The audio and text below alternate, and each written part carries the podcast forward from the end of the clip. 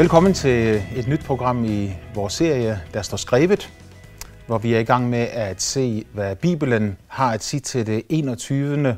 århundredes menneske. Øh, jeg tror af hele mit hjerte, at Bibelen er Guds ord, og jeg tror af hele mit hjerte, at Bibelen er relevant for mennesker også i dag. I de programmer, vi har haft øh, indtil nu, så har vi øh, set bagud. Vi har set på historien. Vi har set på, hvordan Gud skabte alle ting og de forskellige tidsaldre, som har været igennem historien helt frem til i dag. I dag skal vi også se på historie, men på en øh, noget anden måde, end vi har gjort tidligere. For i dag så skal vi se på den historie, som er skrevet, men som endnu ikke er blevet til virkelighed. Med andre ord, så skal vi i dag se fremad. Hvad siger Bibelen om, hvor verden og menneskene bevæger sig hen fra i dag, og så videre fremover. Øh, profeten Esajas, han siger flere gange til øh, Israels folk, når han bebrejder dem deres afgudstyrkelse, og at de, at de dyrker de forskellige afguder, som folkeslagene omkring dem har, så siger han, vis mig en Gud, som har forudsagt, hvad der vil ske. Øh, og Gud præsenterer sig selv og så siger, siger det, jeg har fortalt jer det, før det sker. Jeg har talt om ting, som endnu ikke kom, øh, og det er Bibelens stærke profetiske budskab om den tid, som ligger foran os. Øh, et af de eksempler, som de fleste mennesker kender rigtig godt til, øh, er alle de profetier, der var i forbindelse med Jesu første komme til jorden. Øh, der blev profeteret hos profeten Mika, at Jesus han skulle blive født i Bethlehem. Profeten Esajas profeterede om, at Jesus han skulle blive født af en jomfru. Profeten Hoseas profeterede om, at Jesus skulle øh, komme ud fra Ægypten. Og igen så profeterede profeten Esajas om, at han skulle være naziræer, og at han skulle bo i Galilea øh, og komme fra den nordlige del af Israel. Og alle disse profetier gik helt bogstaveligt i opfyldelse. Mange af profeterne talte om hans liv og tjeneste på jorden, og mange af dem talte også om hans død, øh, og til og med hans opstandelse, at han skulle opstå fra de døde igen. Alt dette er forudsagt i det gamle testamente. Og alle disse profetier, som blev forudsagt, de er gået bogstaveligt i opfyldelse den ene efter den anden. I dag skal vi prøve at se fremad på de ting, som endnu ikke er sket. Øh, vi skal se øh, hen imod det punkt, øh, som Bibelen taler om, hvor verden i sin, nuvær, i sin nuværende form går sin undergang i møde. Bibelen er meget, meget klar og tydelig i sin beskrivelse af fremtiden. For Bibelen siger, at denne planet, vi bor på, ikke bare skal fortsætte i det uendelige. Men der vil komme en tid, en, en eller anden gang i fremtiden, hvor Gud skaber nye himle og ny jord, hvor retfærdighed bor.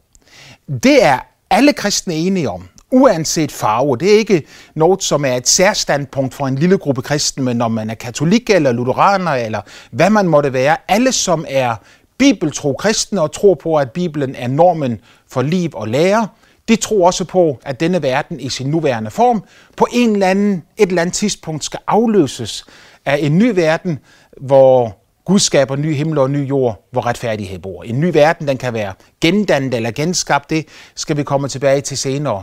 Men det vigtigste her, det er, at Gud på et tidspunkt vil gribe ind i historien. En dag vil Gud skabe ny himmel og ny jord, hvor retfærdighed bor. Jeg skal i dag i dette program give mit bud på, hvordan Bibelens budskab om de sidste tider skal udlægges.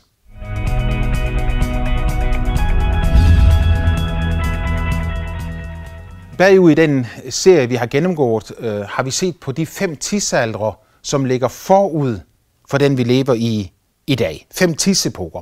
Vi så på den første, som vi kaldte uskyldighedens tidsalder i Edens have, øh, på tidspunktet før mennesket faldt i synd. Derefter så vi på tiden, efter at mennesket var faldet i synd og var blevet fordrevet ud af Edens have, nemlig samvittighedens tidsalder. Vi så videre på den tredje tidsalder efter syndfloden, hvor Gud siger til Noah, om nogen udøser blod ved mennesker, skal hans blod udøses. Øh, hvad Gud gør der er helt nøjagtigt det, at han uddelegerer noget af sin autoritet til mennesket, og han giver mennesket ret til at regere. Derfor kalder vi den tidsalder for menneskelig regeringstidsalder. Øh, og den næste tidsalder, som vi har talt om, øh, var sådan, når Gud forlod menneskeheden som helhed, og kaldte en mand ud fra Ur i Kaldæa, Abraham, og gav ham løfter om, at hvis han ville adlyde Gud, gøre hvad Gud sagde til ham, øh, leve et troens liv, så ville Gud velsigne ham, gøre ham til et stort folk, og alle jordens slægter skulle velsignes i Abraham. Øh, dette løfte var direkte et løfte om Messias, der skulle komme, fredsfyrsten, der skulle komme, som skulle bringe mennesket tilbage igen i fællesskab med Gud, vores skaber. Gud gav mange løfter til Abraham, og alle disse løfter, mange af dem er gået i opfyldelse, og dem, der ikke er gået i opfyldelse, de kommer til at gå i opfyldelse. Efter Abraham, Øh, så kom vi til lovens tidsalder, når Moses han øh, gav Israels folk loven. Det var faktisk igennem øh, denne begivenhed, at Israel blev et eget folk, da de fik loven. Fra lovens tidsalder har vi så bevæget os forbi Jesu død og opstandelse ind i menighedens tidsalder, som vi har set på i de sidste par programmer. Efter menighedens tidsalder kommer der endnu en tid, og det er den, vi skal begynde at se på her i dag. Når menighedens tidsalder er slut, kommer den syvende og sidste tidsalder, nemlig tusindårsriget. Kaldet tusindårsriget, fordi den var i nøjagtig 1000 år. Det er en tid, som der er profeteret om i det gamle testamente. En tid, som Jesus og apostlene refererer til, både før og efter opstandelsen. Men specielt efter opstandelsen, når apostlene siger til Jesus, at tiden nu kommet, hvor du vil genoprette riget for Israel. Der refererer de til det rige, som Gud havde lovet, de skulle få. Øh, Guds rige, som skulle fylde hele jorden, og retfærdighed skulle bo der.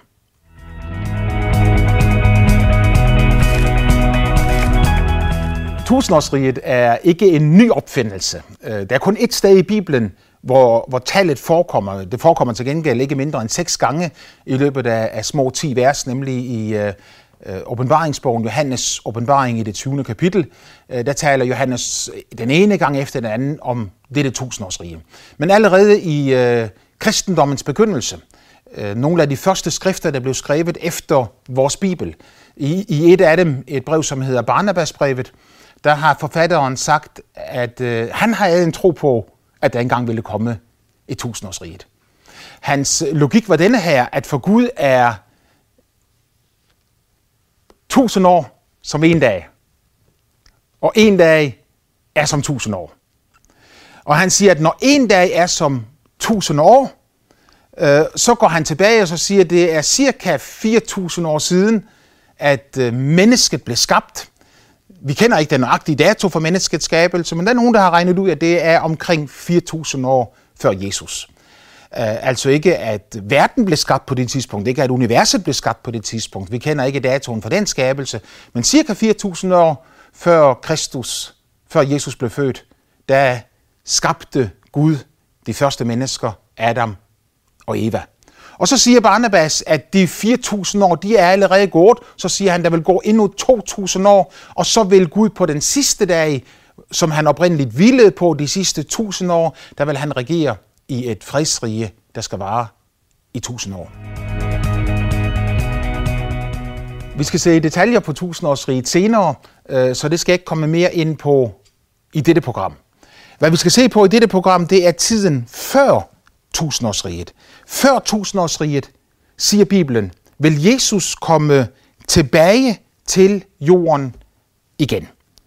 Øh, Jesus talte om det rigtig mange gange i Bibelen.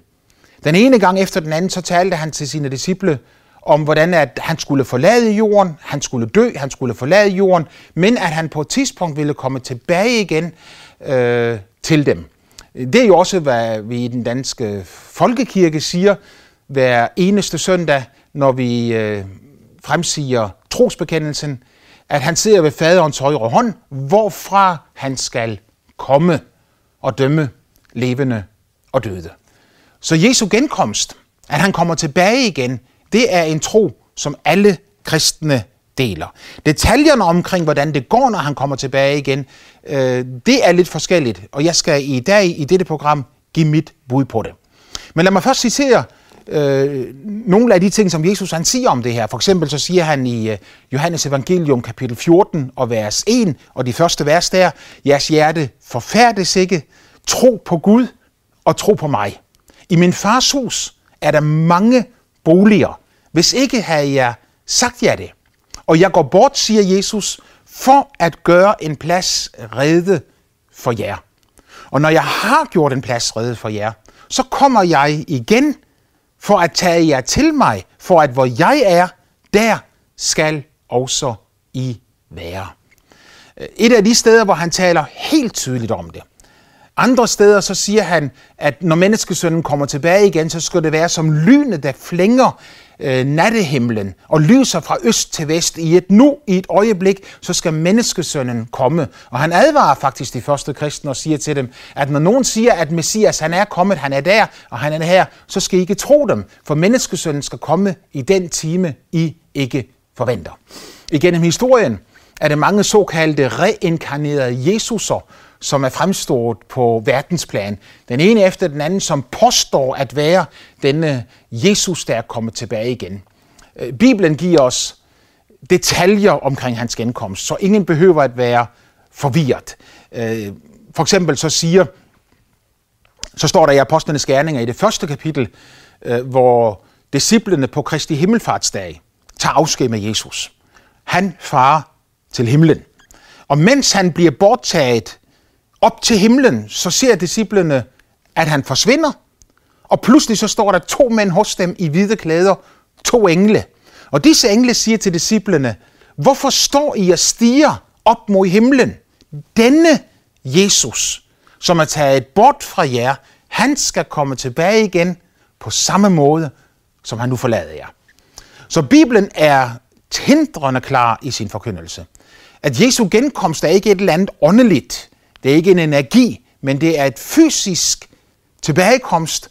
På samme måde som han forlod jorden, skal han komme tilbage til jorden igen. Ikke, ikke bare på samme måde, men også samme sted, som profeten Zakarias blandt andet har forudsagt. Men det skal vi også se på senere.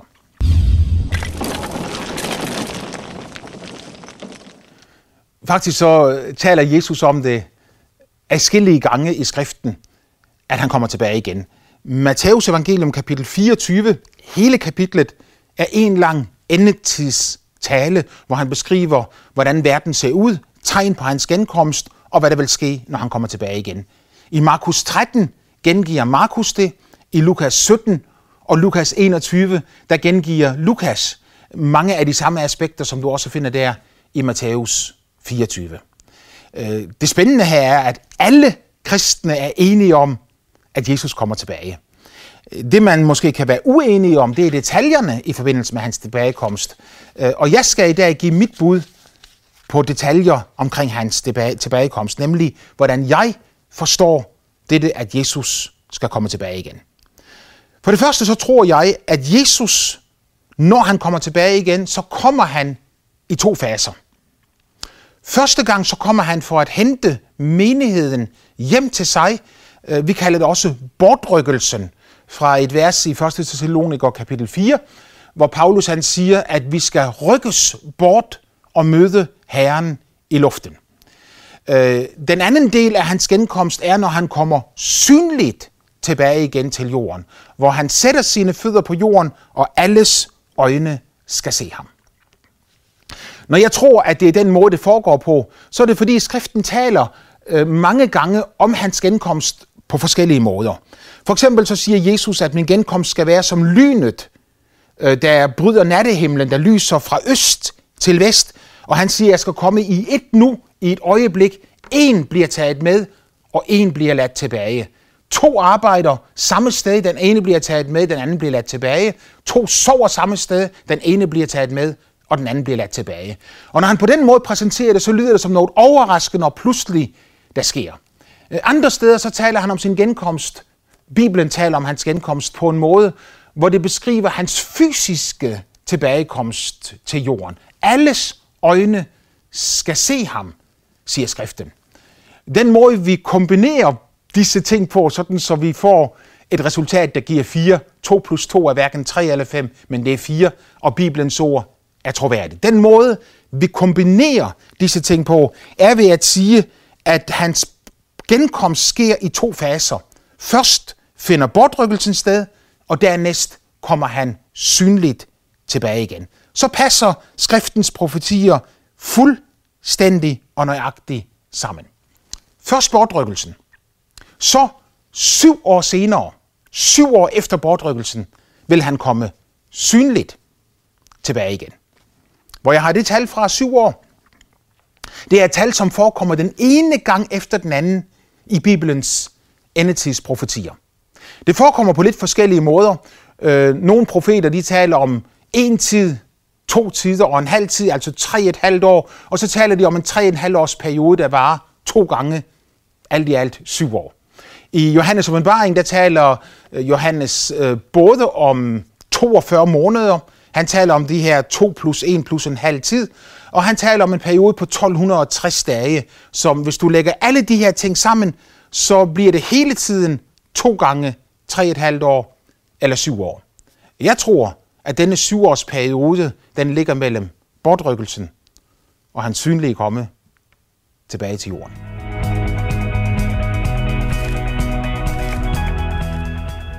Et af de steder, hvor Jesus han taler aller, aller tydeligst om det her, er i Matthæus 24.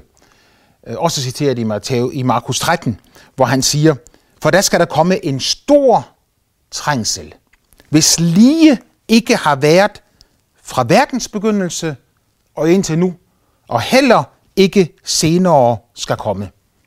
Og der som de dage ikke blev afkortet, der blev intet menneske frelst.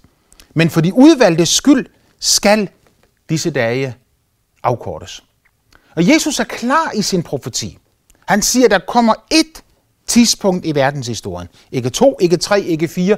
Et tidspunkt i verdenshistorien, som er værre end alle andre tidspunkter, der nogensinde har været og nogensinde vil komme. Han kalder det for en stor trængsel. Og han siger, at der skal komme en stor trængsel, som er så frygtelig, at hvis Gud ikke afkortede de dage, ville intet menneske overleve på jordkloden. Guds godhed ses i det her, at han afkorter disse dage til kun at vare i en kort periode. Den periode, Gud har valgt, er en periode på syv år. Delt i to afsnit, tre et halvt år, plus tre et halvt år, syv år i alt. Og det skal jeg komme tilbage til. Øh, der er nogle mennesker, der siger, at denne profeti, som Jesus taler om her, den gik i opfyldelse dengang, da Titus, den romerske øh, general, angreb Jerusalem, jævnede Jerusalem med jorden og dræbte 10.000 vis af jøder, og blodet det flød. Jeg har meget svært ved at forestille mig, at øh, uanset hvor brutalt og grusomt det angreb på Jerusalem var, at det ligesom skulle være den værst tænkelige begivenhed nogensinde i verdenshistorien. Øh, jeg kan slet ikke få det til at rime op i mit eget hoved. Øh, når jeg tænker på 2. verdenskrig, øh, når jeg tænker på Kambodja, hvor millioner af mennesker blev dræbt i en meget, meget kort periode, og så skulle sige, at det angreb på Jerusalem skulle repræsentere den store trængsel, det finder jeg simpelthen fuldstændig utænkeligt. For Jesus han siger jo, at den tid, den, den store trængselstid, den er så forfærdeligt, at hvis Gud ikke afkortede de dage, ville intet menneske overleve. Så Gud har afkortet de dage. Det er også årsagen til, at jeg tror, at denne tid den ligger ude i fremtiden. Ondskaben i denne tid kommer ikke fra Gud, men den er nøje bundet sammen med djævelen og ikke mindst hans håndlanger, antikrists fremtræden. Og når han begynder at regere på jorden, så vil mennesker virkelig opleve forskellen på den gode, Guds mægtige omsorg, og så djævelens og antikrists ubarmhjertige, skånselsløse rejselsregime. Hitlers Tyskland kommer til at ligne vand ved siden af. Så der tales om denne afslutningstid både i det gamle testamente og i det nye testamente. Og både i det gamle testamente og i det nye testamente, der gengives også den nøjagtige længde på denne trængselstid, nemlig syv år. Hos profeten Daniel, Øh, der har vi en af de mest spændende profetier, som nogensinde er givet til menneskene. I det 9. kapitel, øh, der er Daniel optaget med at søge Gud. Han har læst hos profeten Jeremias. Han havde profeten Jeremias' bogrulle. Profeten Daniel, han var i landflygtighed i Babylon, og bare var der, var der ved Babylons floder, var blevet en stor mand i Babylon, men han var jøde, og jøderne og jødernes skæbne lå ham vældig på hjerte. Han havde læst hos profeten Jeremias, at øh, Israel skulle være i landflygtighed i 70 år. Nu var det gået næsten 70 år siden, den, siden profeten var kommet med denne profeti. Så nu begynder Daniel at søge Gud og sige til Gud, Gud, vis mig, hvad der skal ske med mit folk. Og i tre uger faktisk, siger Bibelen, er han i bøn og faste og søger Gud, indtil til sidst så sender Gud en engel til ham, som kommer til ham efter han har bedt i tre uger, og englen begynder at tale til ham og giver ham hele denne profeti, som jeg kort skal nævne nu. En profeti om en tidsperiode på 490 år. Og øh, englen siger til Daniel, fra ordet om Jerusalems genrejsning udgår, og siger, at på det tidspunkt, når der kommer en befaling om, at Jerusalems mur skal genrejses, og indtil Messias bliver udryddet uden dom, der siger øh, Gud til øh, Daniel, der skal der gå en tidsperiode på 483 år. Profetien handlede om 490 år, så der mangler syv år, når der er gået 483 år. Disse syv år, det er dem, vi taler om her i afslutningstiden. Der findes kun et sted i Bibelen, hvor der udgår et ord om Jerusalems genrejsning. Det er hos, i, i Nehemias' bog, det andet kapitel, hvor Nehemias, der er mundskænk hos kong Artaxerxes af Persien, han beder kongen om at få lov til at rejse hjem og genopbygge sin fædrende by. Og kong Artaxerxes giver ham et brev med og tilladelse til at tage tilbage og genopbygge Jerusalem. Øh, Bibelen er utryggelig med at fortælle os, at det sker i Nisan måned i kong Artaxerxes 20. regeringsår. Vi ved fra historien, at det var øh, 446 før Kristi fødsel. Hvis man regner frem fra det øjeblik og tager 483 år, så lander man øh, på den i det år efter Jesu fødsel, hvor Jesus kommer ridende ind i Jerusalem palmesøndag lige før påske. Og hvor han siger til Israels folk, i det han nærmer sig Jerusalem, så ser han på byen, og tårne strømmer ned over kinderne på ham. Da han kom nærmere og så byen, græd han over den, siger Lukas i kapitel 19. Han græd over byen og siger, vidste blot også du på denne dag, hvad der tjener til din fred, men nu er det skuld for dine øjne. Og så slutter han af med at sige, at øh, der kommer ikke til at være sten på sten tilbage i dig, fordi du ikke agtede på din besøgelsestid. Interessant, at Jesus siger, hvis det blot også du på denne dag, hvad der tjener til din fred. Den norske oversættelse siger faktisk på denne din dag, en helt speciel dag for Jerusalem, fordi denne dag var afslutningen på de 483 profetiske år, som Gud havde sagt skulle gå fra Jerusalems mure, ordet om Jerusalems mure, skulle genombygges fra det udgik indtil Messias blev udryddet uden dom 483 år. Øh, jeg har set et regnestykke, og nu er det ikke let at stå og slynge om sig med tal i et tv-program, men jeg har faktisk set et regnestykke, som siger, at de 483 år, de svarer til 173.880 profetiske dage. Og det er ganske interessant, at fra nøjagtigt den dag, hvor kong Artaxerxes han sagde, at Nehemias kunne få lov til at gå tilbage og genopbygge Jerusalems mure, og til nøjagtigt den dag, hvor Jesus red ud ind i Jerusalem, så gik der 173.380 øh, dage på dagen. Ikke en dag mere, og ikke en dag mindre. Guds ord er ganske enkelt 100% nøjagtigt. Nogen ville sige, at det her er lidt fantasifuldt, at man kan påstå, at nogen kan forudsige historien på så nøjagtigt, at man kan ramme dagen over en periode på 400 år. Øh, hvis du skulle være en af dem, som tvivler på det, så vil jeg bare minde dig om, at det faktisk ikke er eneste gang i historien, det er sket. Men hvis du går tilbage til den gang, hvor Moses førte Israel ud fra Ægypten, så skete det det her øh, 430 år efter, at Gud havde sagt til Abraham, at dit folk skal trælle i et fremmed land i over 400 år, og så vil jeg føre dem ud. Og Bibelen er omhyggelig med at fortælle os, at den dag, da de 430 år var gået, den dag, da de var gået, siger øh, Moses til os, førte Gud Israels folk ud fra Ægypten. Det Gud gjorde dengang, det gentager han altså. Den dag red Jesus ind i Jerusalem, den dag blev han forkastet som konge. I det øjeblik gik Guds profetiske ur i stå.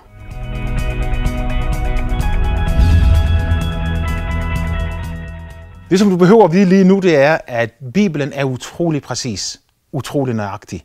Og at Jesus han siger, himmel og jord skal forgå, men mine ord skal aldrig forgå. Så Bibelen, den kan man ganske enkelt stole på. I næste program, der skal jeg fortsætte med at fortælle dig om denne afslutningstid, som vi er på vej hen imod. Må Gud velsigne dig.